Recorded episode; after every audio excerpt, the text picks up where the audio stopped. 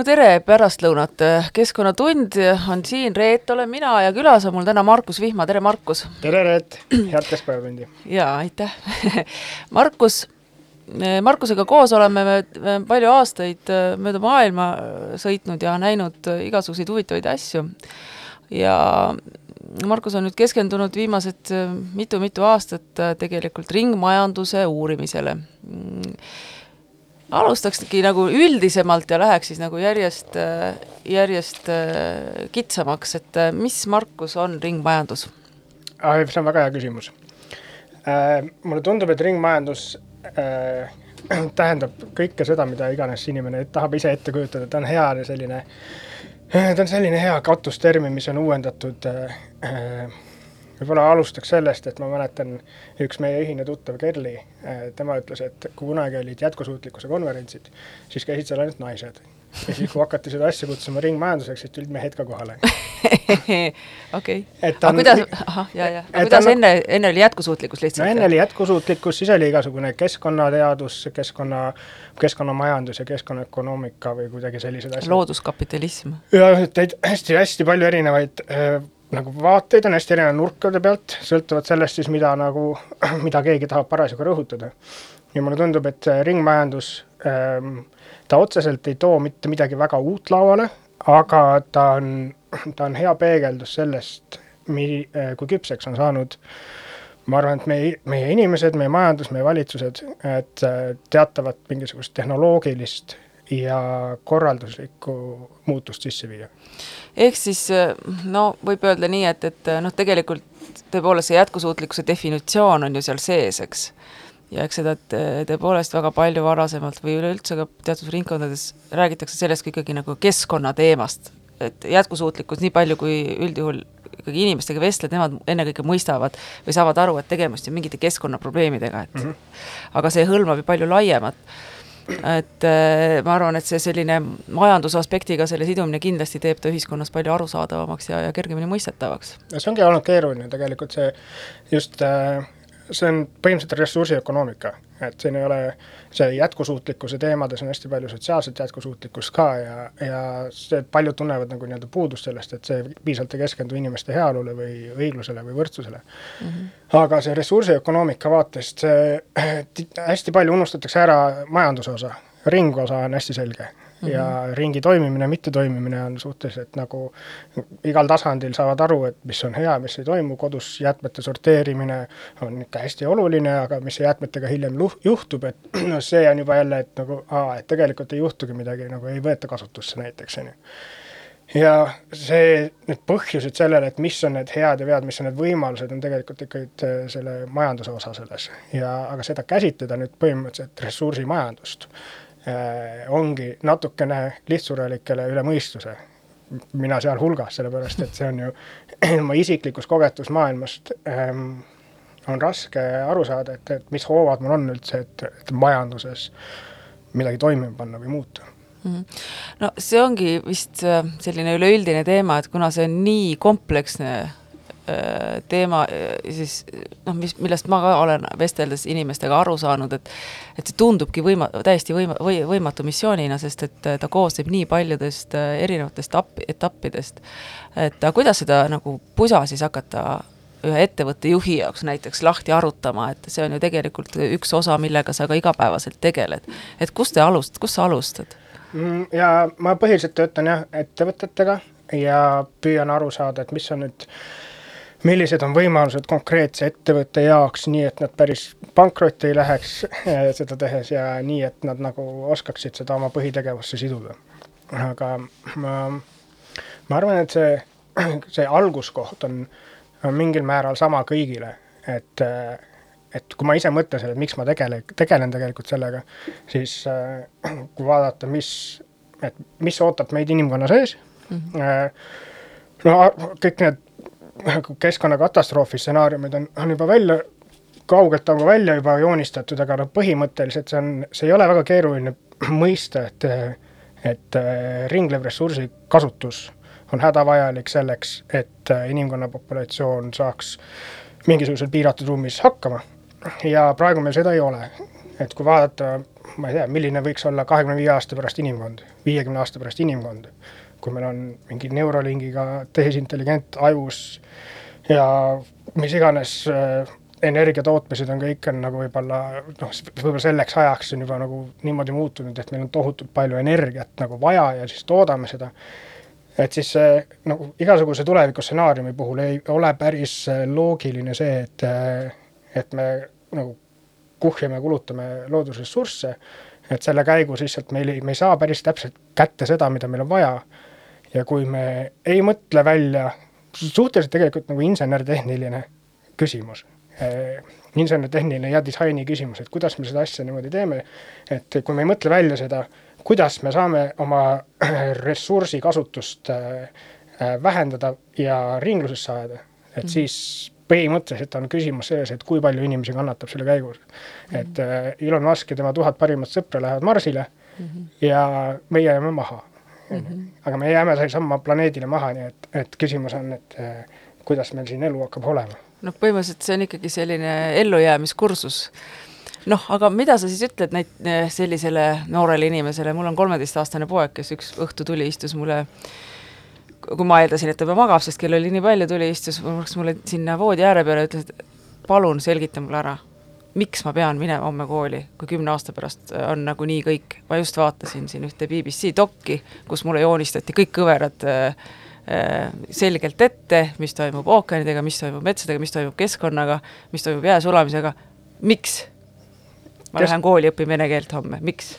see on ilus keel keskkonnaaktivismi varjuküljed, kas pole? et ma arvan, et äh, ma arvan, et see nagu, ma olen palju ka mõelnud sellele, sellele problemaatikale, et nagu, et see problemaat-, problemaatika väljajoonistamine on justkui oluline selleks, et saada aru, mida on vaja lahendada. aga ma olen hiljuti ja rohkem nagu hakanud aru saama ka seda, et tegelikult see ei ole selles, et, et, et meil on nii ilmtingimata nui neljaks vaja, vaja neid asju, muutusi ellu viia or else või muidu, vaid need tegelikult on vältimatud. et meie inimtoimimise, ühiskonna, majanduse toimimine toimimise juures on need kõik süsinikuneutraalne energia tootmine, ressursi tarbimine, ökosüsteeme, ökosüsteemide tervikliku säilitamine ja samal ajal oma vajaduste rahuldamine, et ainukene vältimatu stsenaarium, kus meie mingisugust äh, tulevikku on näha, on lihtsalt see, et see juhtub niikuinii. et me, me põhimõtteliselt, me mõtleme selle välja. ja kui ei mõtle välja, siis vahet ei ole. siis me sureme ära, on ju. siis vahet ei ole jälle no paraku see nii on jah, ja see tegelikult üks asi, millest ma väga hästi ütlesid, et et tõepoolest ma sain ka aru, et ma olen keskendunud nende probleemide väljajoonistamisele siin nii palju aastaid, et ma olen täiesti ära unustanud selle, et et et kõiki inimesi, kui, kui nad tegelikult selle infotulvaga silmitsi on, esimene asi, mis neid äh, tabab, on ikkagi šokk ja siis sellele järgneb eitus ja noh, nii nagu igasuguse sellise keerulisemat tüüpi info vastuvõtmisega. et mulle ka tundub, et me tegelikult ei ole sugugi ette valmistanud oma ühiskonda selle, tegelikult selle šoki äh, saabumiseks. no jaa, ma olen väga, minu arust on väga halvasti selle infoga, teadlaste saadetud infoga nagu toiminud, aga selle üks nagu peamine asi on ka see, et me räägime äh, me räägime äh, komplekssüsteemidest, me räägime planeet Maa äh, suurusest komplekssüsteemist, äh, mida me siis inimesena nagu igatepidi mõjutame. ja, väga raske on siis öelda sellises, kui me saame ennustada, kuidas see nagu kompleksdünaamika toimib, et hakkavad kliima muutuvad ja, ja veed, ma ei tea, mage vesi umbes, temaga võib tekkida probleeme siin-seal ja ökosüsteemid ruumiliselt vähenevad ja liigirikkuselt. aga et mida selles igasugune matemaatiliseltki ei saa päris öelda, et mis on komplekssüsteemi puhul individuaalse punkti äh, nagu käitumisvõimalused. et nagu võib öelda küll, et jah, et liblika aktiivalöögi efektist tekivad äh, mm. nagu orkaanid, et äh, ja sellised, see ongi see, see näide ongi komplekssüsteemide dünaamika äh,, matemaatiline näide põhimõtteliselt. aga et, aga seal on see suur äh, nagu ebakõla või asi, mis ei lähe kokku, ongi see, et me räägime süsteemidest, aga elame individuaalset elu mm. -hmm. ja kuidas seda otseselt nagu ületada, ma arvan, et noh, üks asi on, üks asi, seesama heitumise küsimus, et okei okay,, kõik on nii halvasti, aga no kõik on halvasti kõigega, et mitte ainult keskkonnaga, kui hakata tõesti vaatama, nagu vaesust igal pool, kõik on ju, et aga las olla, et nagu küsimus on, et mis mina teen ja kas ma olen siis nagu pessimistlik või optimistlik. et äh, parem olla optimist ja eksida, kui pessimist ja õige olla nojah, mulle ka tundub, et see on ikkagi lihtne, et inimesed ongi ehitatud ka väga erinevalt, on ju, et mõned on sellised nagu loomupärased äh, või nagu sügavalt sisimalt pessimistid ja teised on ja, ja väljaspoole isegi nagu käituvad optimistlikult ja mõned vastupidi, eks. Et see ikkagi, aga see, see, et inimese käitumise harjumus muutuks, selleks peab ikkagi toimuma mingi väga sügav sisemine arusaamine või mõistmine ja see, mida noh, mina järjest rohkem ja rohkem viimasel ajal näen, et, et, et et me ei ole tegelikult ühiskonnana selleks valmis, et inimesed järjest hakkavad nagu sisenema sellesse šoki ja mm. eitusfaasi. et ma kogu aeg mõtlen, et siiamaani on see olnud kogu aeg niisugune, et noh, kuskil on mingisugune punt teadlaseid ja aktiviste, kes nagu räägivad, et kõik on halb, kõik on halb, hakake liigutama, aga kui kogu see, kogu see suur mass inimesi just nimelt sisenebki siis sellesse ehmatus või tegelikult hakkabki teadvustama neid probleeme ja saamagi aru, et mis tegelikult on, et väga huvitav on siis näha, mis siis juhtuma hakkab. ja sellest me räägime nii vähe, seda me tegelikult ei analüüsi üldse, me ei tea, mida see endaga kaasa toob, et kas see toob endaga kaasa siis mingi tohutu nagu ületarbimise või vastupidi, see toob endaga kaasa mingisuguse äh, täiesti totaalse, kõik tõmbavad rahulikult äh, juhtmed seinast välja või, või kuidas inimene tegelikult ja kuidas need massid siis reaalselt käituma hakkavad, et see, et see mulle ka tundub, et see on nagu ettevõtete sellise jätkusuutlikkuse seisukohalt hästi oluline küsimus, mida küsida no kõik ootavad lahendusi, see on see, et oo oh,, okei okay,, ma saan probleemist aru, ma tahan oma panuse teha, et äh, mis ma tegema pean. ja noh, sellel ei ole vastust, sest et igaüks elab täiesti erinevat elu ja ei saa öelda, mida tegema peab, mida peab tegema prügiga, isegi sellel ei ole vastust, on ju täpselt. no ei ole jah, me ja. tõesti no, ei suuda isegi nagu tegelikult oma jäätmeid ringlusse suunata no,, mis on täiesti masendav, on ju. ja see on täiesti jäämäe tipp, et ja nagu jäätmete ringlusse suunamine ei ole võib-olla ökoloogiliselt kõige see on üks lihtsamaid asju, olgem asju. see on lihtsalt, et see on meie elatud elu küljes, on ju, või nagu mm. vahetus läheduses. aga, aga see, et äh, mida siis teha, et nagu võib-olla ongi üks võib-olla kõige imelikum nagu vaatenurk, sest alati see läheb nagu mingisuguse tarbimise küsimuseks. ja me, nagu see, me oleme ainult üks väga väike osa meist on tarbijad. et me oleme loojad ja me oleme organiseerijad ja, ja kontrollijad ja algatajad ja kõige niimoodi, et äh, need, küsimus ei ole selles, et mida, et mida osta, nii et, et maailm oleks parem, vaid küsimus on see, et mis on minu võimu, võimuses ja mis on minu mõjusfääris. et mida ma saan mõjutada ja kuhu suunas mõjutada. ja nagu selge on see, et, et nagu kellelgi, keegi ei ütle, mida tegema peab. et peab olema lihtsalt nagu ainuke asi, mis aitab, on olla tark selle juures. Mhm. ja noh, tark on, on analüüsi järeldusvõimeline olemine. et ega siin väga midagi ei ole, oled sa kuskil oled ühes ettevõttes töös või organisatsioonis töös või koolis äh,, koolis või ükskõik kus kohas tööl või õpid või mis iganes, alati on sul olemas ju mingisugune sootsium sinu ümber, kontekst, kellega sa läbid, kellega mingid protsessid, millega sa oled seotud ja küsimus on selles, et et kuhu poole sa neid mõjutad igapäevaselt -hmm. ja mis valikuid sa nendes teed nii et see tarbimisküsimus on äh,, minu arust see tarbimisküsimus on üldse niikuinii tootjate ja ärimudelite küsimus, sest tarbijad lihtsalt noh, saavad seda, mis neile pakutakse. ja see on väga, väga hea mõttekäik, et, et tõepoolest see, et, et see, et me iseennast ka identifitseerime rohkem nagu tarbija, mitte tegijana, et see on väga huvitav, on ju. ma ei ole, ma ütlen ausalt, ma ei olegi niipidi tegelikult mõelnud, sest alati kogu aeg noh, see küsimus ongi, et aga ah, mida ma siis tegema pean, mida, mida, milliseid pükse ma siis pean ostma mm. -hmm. mitte see, et, et aga äh, võib-olla ma peaksin õppima oma erialal või noh, harima ennast oma erialal, et ma saaksin oma tegevusega tegelikult äh, vastupidi, keskenduda mingi probleemi lahendamisele, mitte seda probleemi juurde toota.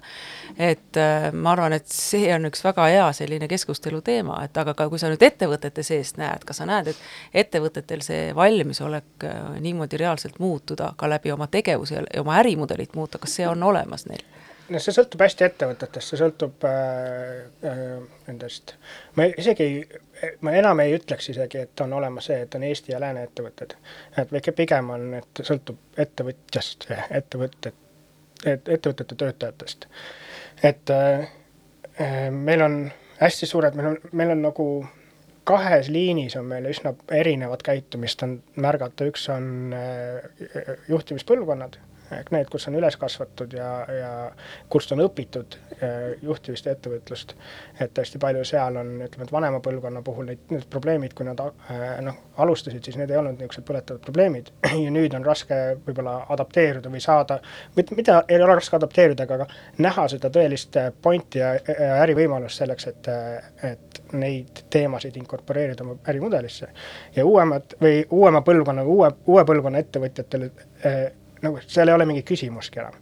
et see ongi, et meil on hästi palju ja see nagu kindlasti see üldistus ei pea paika, siin on tuhand mm, -hmm. nagu sadu näiteid, tuhandeid võib-olla mitte, aga sadu näiteid on Eestis, et kus see, see ei pea paika, aga nagu niisugused ütleme, et see illustreerib seda, seda nagu vestlust, mis mul on paljudega olnud. et äh, äh, hästi paljudega peab rääkima sellest, et kliimamuutus on päris ja siis äh,, ja siis teistega saab rääkida, et okei okay,, et äh, mis tehnoloogiasse me investeerime selleks, et oma süsinikuneutraalsust saavutada.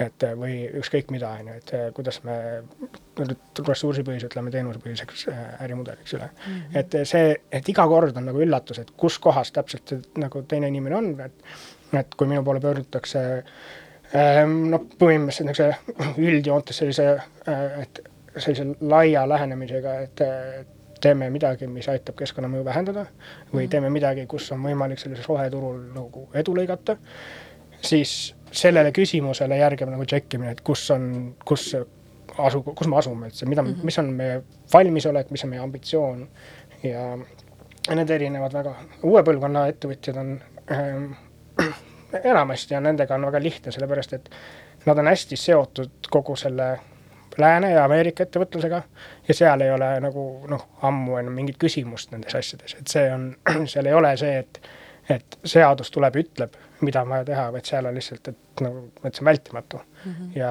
edu saadab see, see, edu saadab see, kes selle hammustab kõige kiiremini ja kõige paremini läbi mm. -hmm. just, et need kõik need, kõik mudelid, kõik stsenaariumid äh, näevad seda ette, et meil on nagu noh, noh, see on väga lihtne, meil on rahvastiku kasv ja ressursinappus midagi muud rohkem ei olegi. nii lihtne see ongi tegelikult, on ju.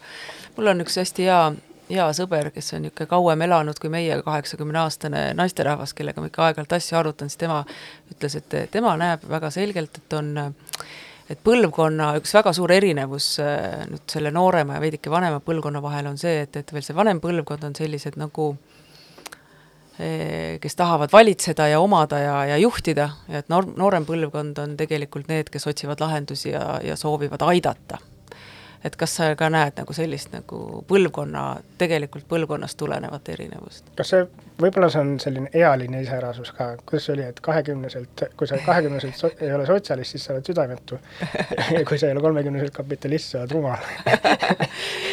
Võib-olla. aga noh, eks see kindlasti ei pea, need jõujooned on ka muutunud, ma olen ise aru saanud küll tegelikult, et äh, ma olen eelmine põlvkond et see, kuidas äh, minust järgmine põlvkond mõtleb, et ma tegelikult ei taba seda täp-, täielikult ära. ja mina olen niisugune, ma olen vaata just oma aktiivset äh, nagu professionaalset elu alal hakanud elama siis, kui nagu oligi see, et, et kõik vaidlused käivad selles, et kas inimesel on mõju keskkonnale mm -hmm. ja aastaid, aastaid mm, -hmm. aastaid. ja nüüd on juhtunud nagu nagu märkamatult on see, et aa, et keegi ei viitsi küsida seda, on ju, küsimus on nüüd selles, et mis me teeme nüüd, et kus see võimalus on. ja see üleminek tähendab, et okei okay,, ma võin, ma, ma parem ei kanna seda nagu üleminekut endaga liiga palju kaasas, sellepärast et see enam ei pea paika, on ju, et see ühiskond tegelikult ei ole selline, inimesed ei ole tegelikult sellised enam. et äh, see, mis noortelt nagu no, või minust noorematelt tuleb, mis neid motiveerib, see on nagu hästi teadmata, hästi tundmatu mulle.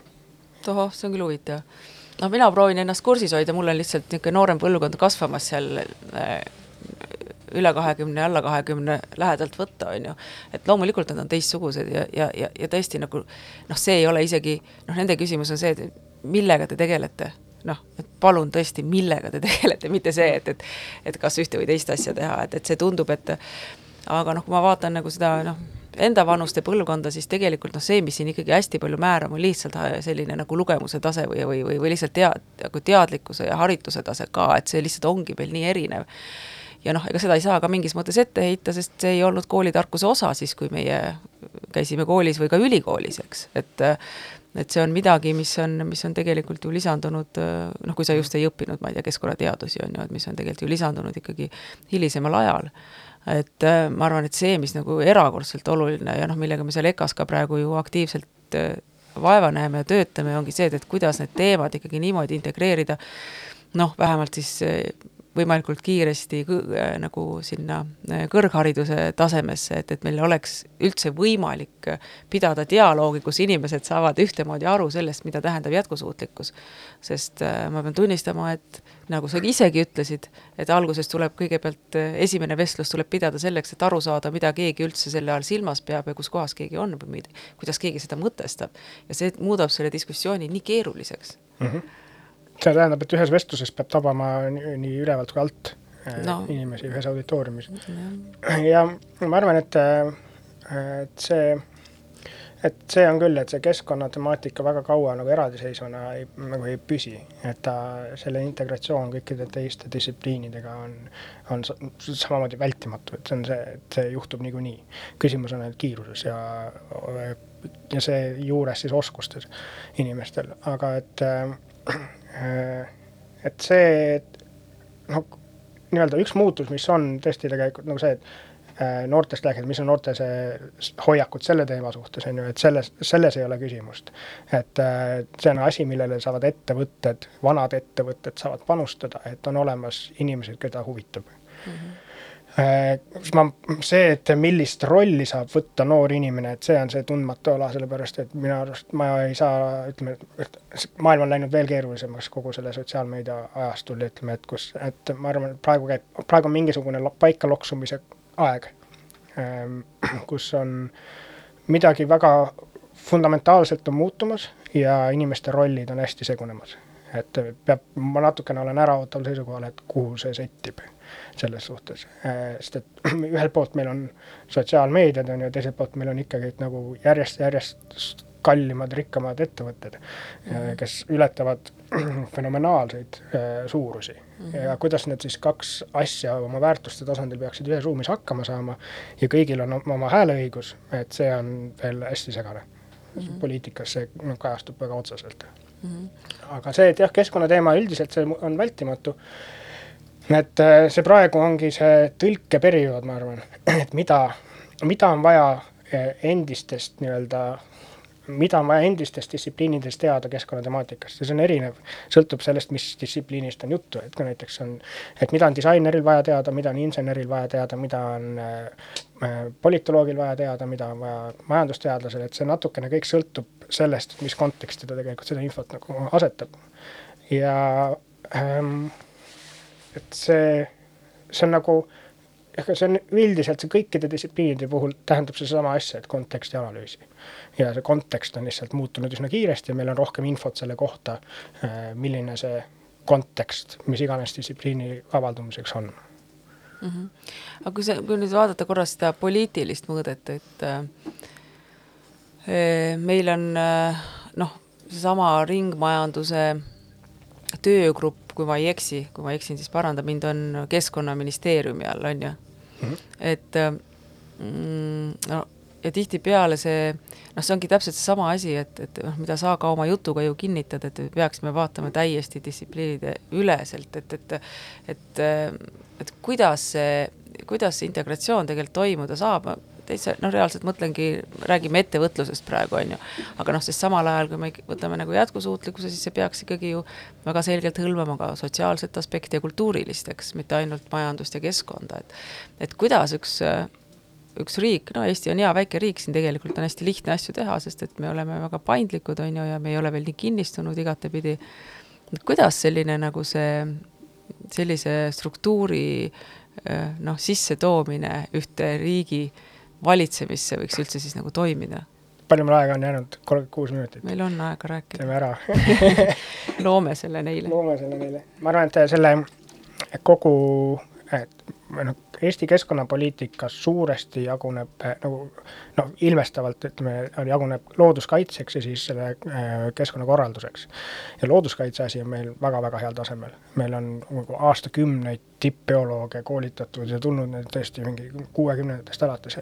et see on meil väga hästi kaetud, kui kuskil avastatakse uus liik, mis on väljasuremisohus, siis on nagu kogu riik paneb õla taha, ütleb, et ärge näppige, et see on nüüd nagu minge ära siit, et siin ei tohi keegi midagi teha et meil on võime tuvastada mingeid kriitilisi asju, meil on võime sellele reageerida mm. -hmm. muidugi seal on tohutult keerukusi seal sees, aga põhimõtteliselt on, on see, peab paika mm. -hmm. ja nüüd on küsimus, et kuidas siis teha just seda mm, mittelooduskaitselist keskkonnategevust, mis äh, ongi senikaua, kui, kui see majanduse osa selles ei ole nagu kesksel kohal, ei saagi seda teha.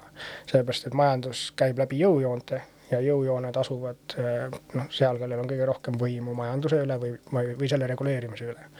ehk ilma noh, et no välja öeldes siis, et Majandusministeerium on, on selle ringmajanduse jaoks nagu noh, hädavajalik, ilma ei saa, on ju mhm. et Keskkonnaministeeriumi kaudu tulevad need asjad nagu infoks, tulevad sisse läbi seotused erinevate regulatsioonidega Euroopa tasandil.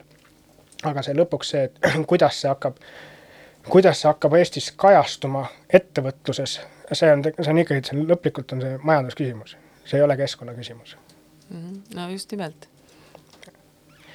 ja, ja nüüd iga individuaalse ettevõtte puhul on siis see küsimus, et okei okay,, et, et äh, isegi kui soov ja kavatsus on suur, et ah okei okay,, davai, et mulle meeldib see, teeme, et mida mina teha saan, siis äh,, siis see on jälle samamoodi natuke nagu, nagu meie lihtinimestena, et no kas, et mis on, kas see on siis, et meil on tarbimisvalikud või et, et ettevõtte puhul on, on oluline aru saada ka sellest, et mis on nende võimuses, kuidas nad ei tulistaks ennast kanda ja samal ajal teeksid piisavalt mõtteka edasihüppe, mis tegelikult viib nende äri ka edasi, et on olemas, ütleme nii, et kõike ei saa teha ja see ongi see nagu võib-olla vale ootus, et iga ettevõte võib teha ükskõik mida, nagu et teeme kõik retsilt roheliseks ja teeme kõik niimoodi äh,, lõpetame kõik halvad tegevused ära äh,. see ei ole nagu nende asi lõpetada enda tegevust, ütleme nii, et ettevõte ei saa lõpetada enda tegevust, et, et tal ei ole seda, põhimõtteliselt tal ei ole seda mandaati nii-öelda enda tegevust lõpetada. aga et, aga tal on samamoodi nagu nagu üksikinimese puhul on tal põhitegevused ehk tema ärimudel taastoodab midagi. ja et see, et kui tal on soovijaid, siis seda tehakse asja rohkem.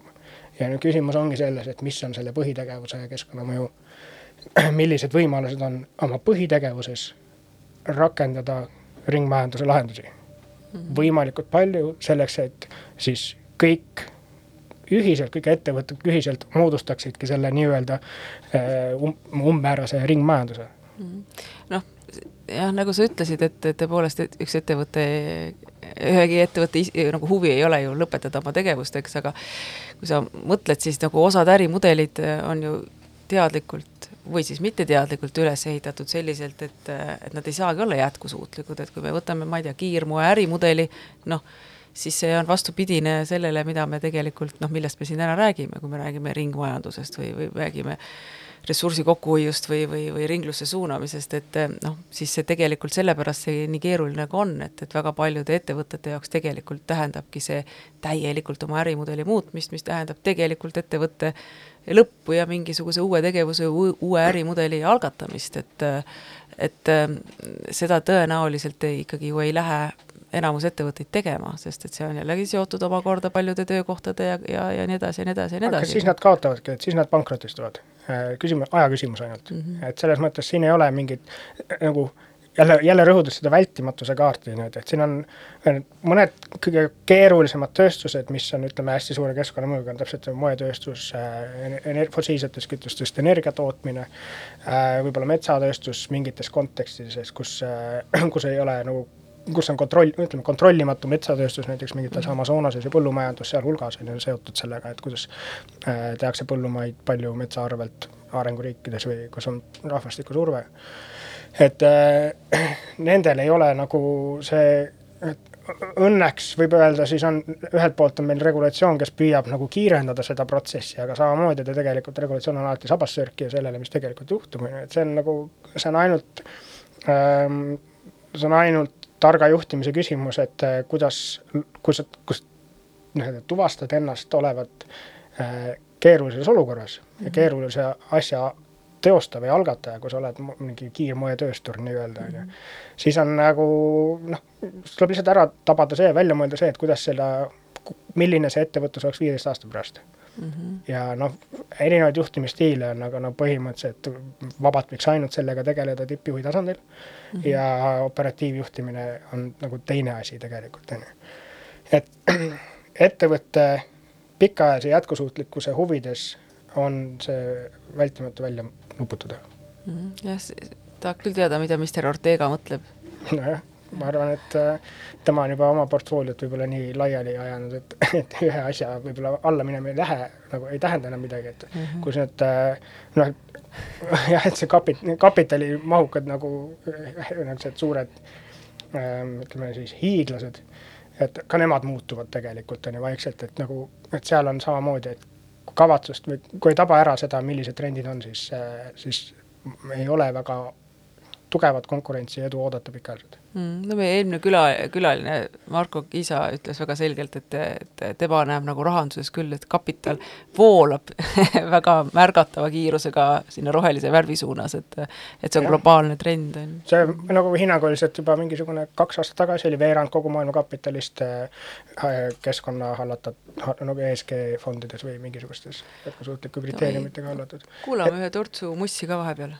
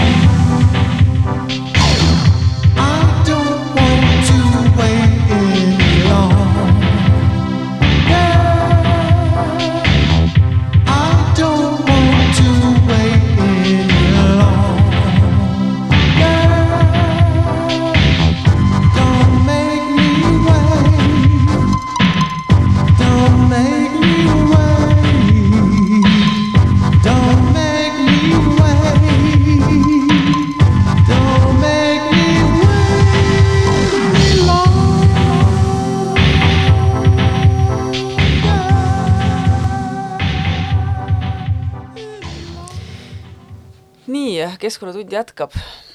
Markus Vihma on meil külas, kes veel ei teadnud ja mina olen Reet. ja me mõtlesime, et me arutame siis natukene niimoodi organisatsiooni kesksemalt veel, seda ringmajanduse teemat, et kui sa nüüd oma kogemusele põhined, siis kuidas tavaliselt ühes organisatsioonis see muutus sinna jätkusuutlikkuse suunas alguse saab, et ülevalt, alt, keskelt, kuidas tavaliselt see juhtub? ja see on hea, eks ta sõltub sellest, et mis see muutus jätkusuutlikuma po-, jätkusuutlikkusema poole äh, tegelikult tähendab, et kas see on, kas see on nagu mingi väike samm või see on suur samm. et kas see on põhimõtteline muudatus äh, oma ärimudelis või see on äh, heade kavatsuste ülesnäitamine mm. -hmm. ja nagu ma arvan, et sellest viimasest ei ole mõtet väga rääkida, et, et millised on need põhitegevused, et see, et kui see tõeliselt äh, nagu äri, see väärtusloome muutub selle läbi. et ma arvan, et see on, see nii ja naa on see, millest me rääkisime juba, et on äh, tippjuhi tasandil või mhm. siis see või siis asutaja või, või see ettevõtja äh, nagu vankumatu lihtsalt soov et nagu see, selles ei ole küsimust, teeme niimoodi, mõtleme välja, kuidas teha, mitte nii, et kas kolime halva ja hea vahel, et lööme, saame kuskil keskel kokku mm. -hmm. ja teine on see, mis on tulnud just selle kultuurimuutusega kaasa, mis on põlvkondade vahetusega kaasa, on, et äh, head juhid oskavad luua võimaldavaid keskkondi nendele, kes äh,, kellele see on tõeliselt oluline teema ja kes näevad äh, võimalusi oma organisatsioonis või ettevõttes neid muutusi ellu viia mm. -hmm et on üha rohkem on ka näiteid selliseid, kus äh, just minnakse nii-öelda pitch ima oma juhtkonda ja mm -hmm. valmistatakse niivõrd hästi ette seda argumentatsioon, võimalused äh, nagu ma ei tea, maailma konkurentsis isegi mm -hmm. ja, ja seeläbi juhtkond vaatab, et okei okay,, muidugi, et seal ei ole küsimust, et see on nagu nende, ma ei tea, riskiprisma läbi on ta läbinud ja see on õigustab ennast, et selles mõttes, et need, et just võib-olla seesama, et nagu, mis me rääkisime üksikisiku tasandil, et küsimus ei ole selles, mida sa ostad, vaid küsimus on selles, kuidas sa elad oma nagu või kuidas sa, kuidas sa pingutad millegi suunas.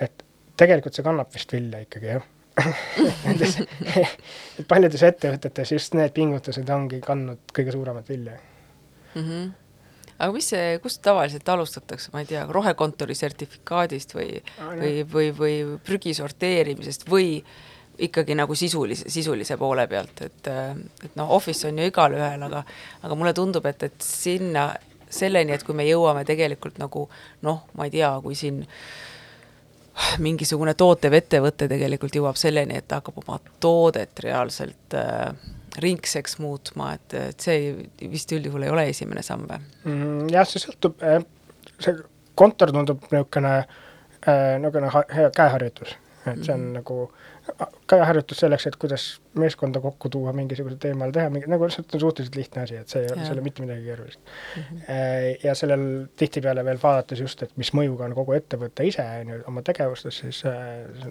tihtipeale suhteliselt väheoluline ka keskkonnamõju mõttes.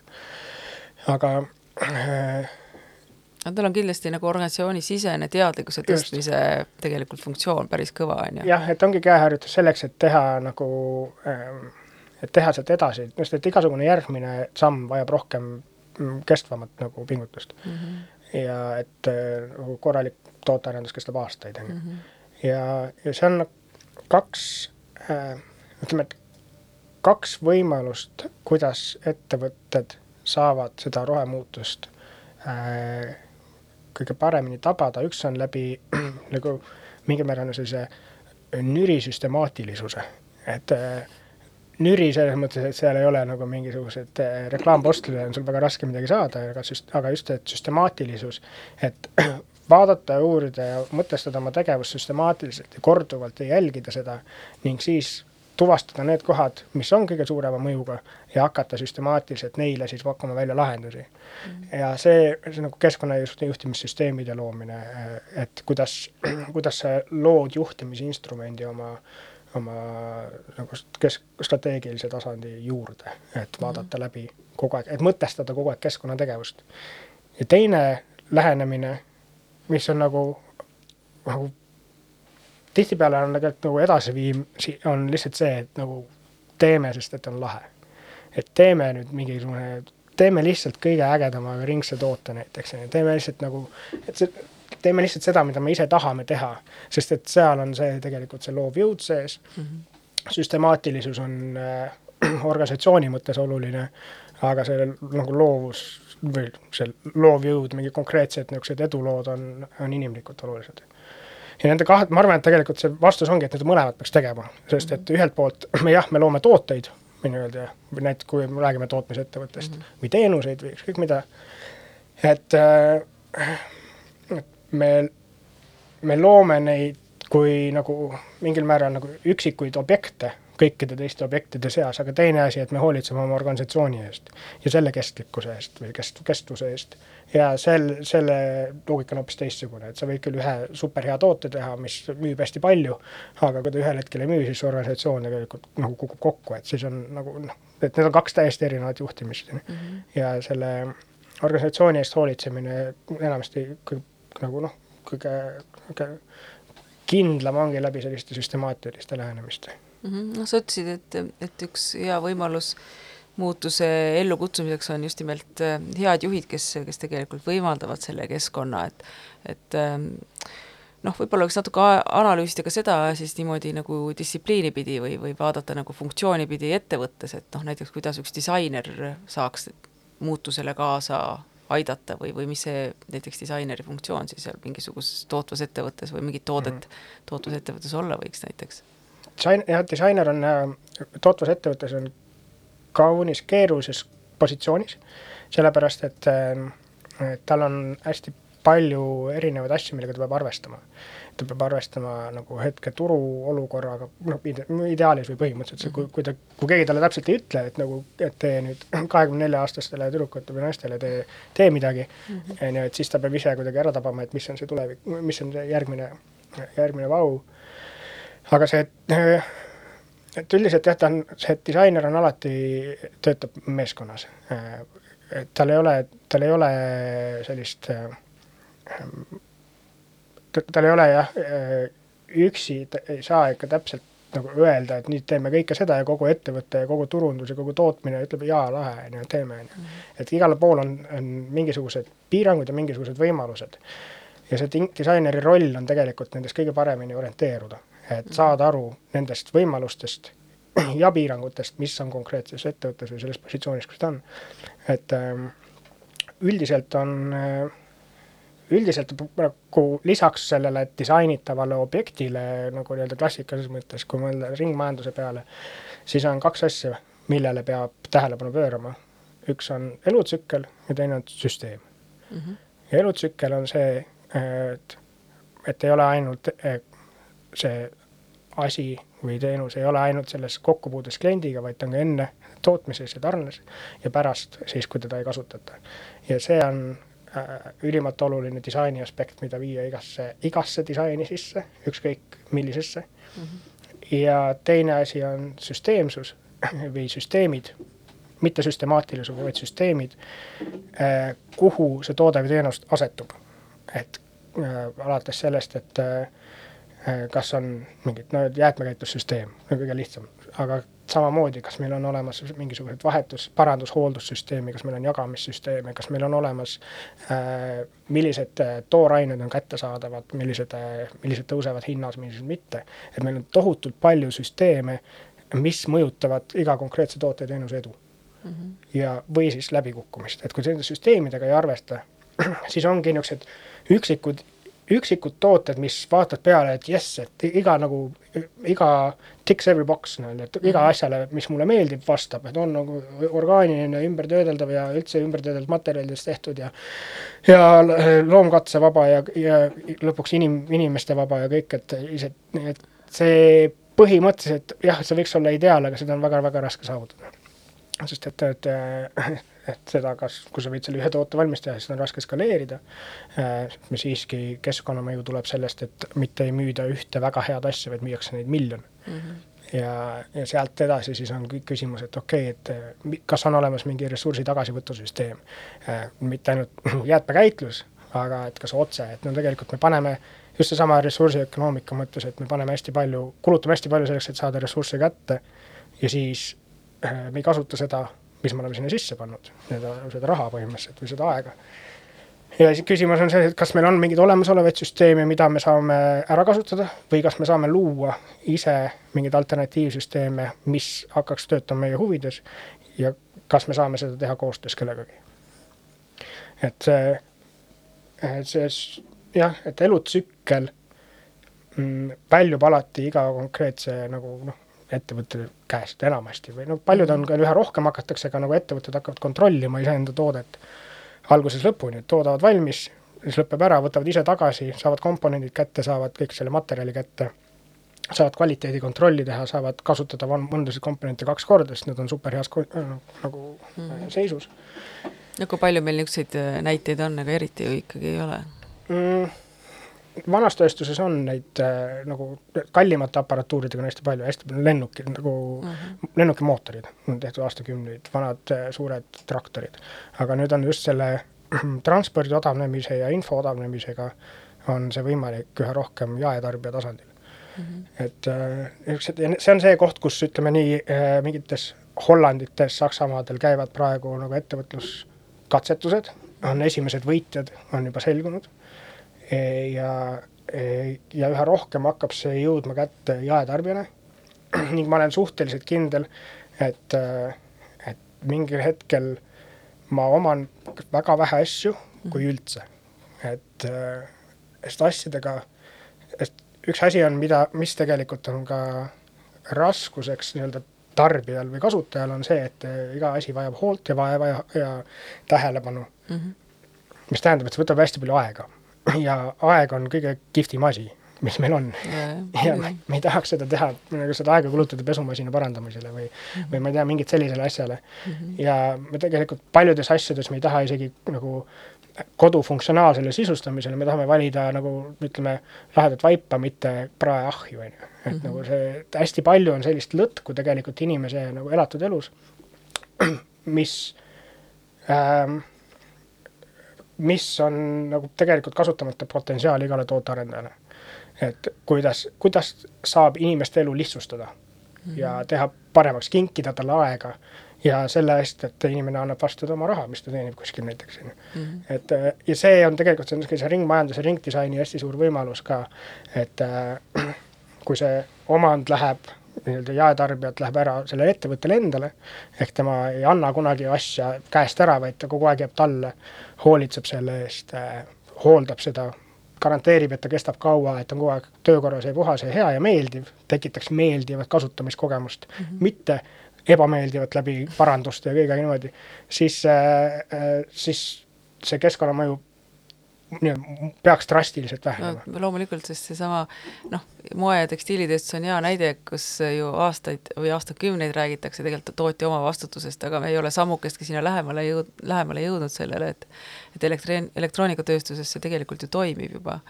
et aga see tõepoolest, see on ülimalt äh, see vahe on ju väga suur, kas sa võsta, võtad vastutusele selle toote eest, mis sa paned turule või ei võta, et kui sa võtad mhm. vastutuse, sa ei tee toodet, mis laguneb kiiresti ja millega sul pole pärast midagi peale hakata, et et ma ei tea, vaata Prantsusmaa eelmisel aasta, eelmisel aastal äh, rakendas sedasama tootja omavastutust tekstiilile ja moele, ega sa ei tea, kuidas neil see eksperiment on lõppenud, et äh. et seda konkreetselt ei tea, aga tootja omavastutus hästi palju on tähendanud seda, et tootjad äh, rahastavad tagasivõtumudeleid mm. -hmm. ehk ütleme, taarapakend või mm -hmm. mingeid selliseid taara, taara, tagastussüsteeme.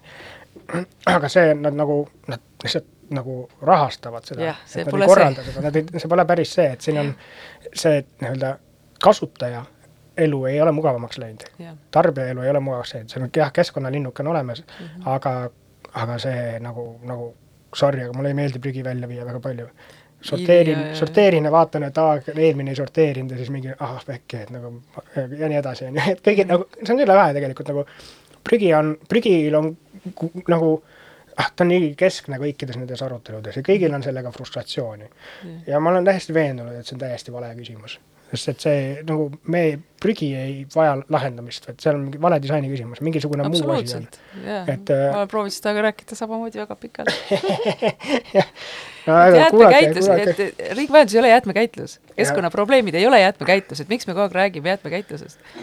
meil peaks olema pakend, mis ei jõuagi prügisse. jaa, ja ma arvan, et äh, see on logistika tegelikult, see on logistika küsimus ja see on natuke materjalide küsimus ka, sest et ähm, sest et vägagi materjalide küsimus, ma arvan, jah, jah. just eriti näiteks plastikut sa ei saa ümber töödelda üle seitsme korra mingit mm -hmm. kõrgrõhkseda polüetüleeni äh, et sul on vaja toorainet sisse panna uuesti.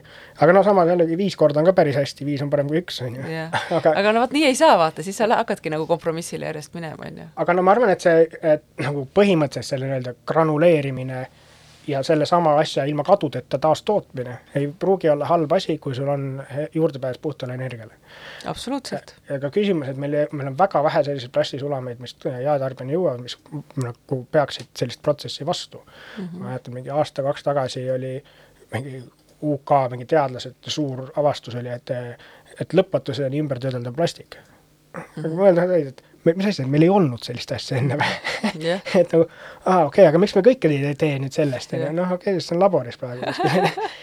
Et äh, erinevatel nagu materjalide, materjalid on erinevad võimalused ja nagu probleemid, et selles mõttes, et ma ei usu, et kõik peaksid, äh, et, et me hakkame mingisuguste sünteetiliste materjalide vastu minema või et kõik peab nüüd looduslikuks minema, et see on jama. et meil on, meil on, meil ei ole nagu, plast on põhimõtteliselt tasuta, peaaegu nagu naftast tehtav plast on peaaegu tasuta. Äh, et see küsimus on ikkagi, et see koht, et kuidas me seda viimast miili teeme. et mm -hmm. nagu meil on vaja lihtsalt poest saada asjad kätte, viia, ma ei tea, noh, see pakend siis, kui ta peab pakendis olema, on ju, või noh, tootjalt juba poodi, et ta säiliks ja niimoodi. et need on suhteliselt väikesed logistikaahelad tegelikult, mida on vaja katta. ja erinevad materjalid siis nagu kindlasti säilivad, aga küsimus ongi see, kui see jõuab inimese juurde inimese kätte jõuab kümme erinevat topsi või plastikut, siis äh, põhjusega äh, ta ei orienteeru selles ja temalt ei saa seda oodata. see on väga keeruline. ta ei tohi oodata selle, et, et ja. see küsimus on see, et see on nii, see, see jäätmekäitlus on tehtud inimese jaoks väga-väga keeruliseks. ja ma arvan, et ta ei lähe väga lihtsamaks ja teine asi on ka see, et isegi kui inimene õpib ära selle ja ütleme, et ongi, lõpuks me teame, et sajast üks et meil on ainult kümme, kümme karpi näiteks teeme selles, meil on ainult kümme materjali, inimene õpib ära selle, siis äh,, siis nagu kõik ei viitsi tegeleda sellega. ja sellepärast, et inimene on täpselt selline, nagu ta on. Mhm. inimene, inimene oma olemuselt ei muutu.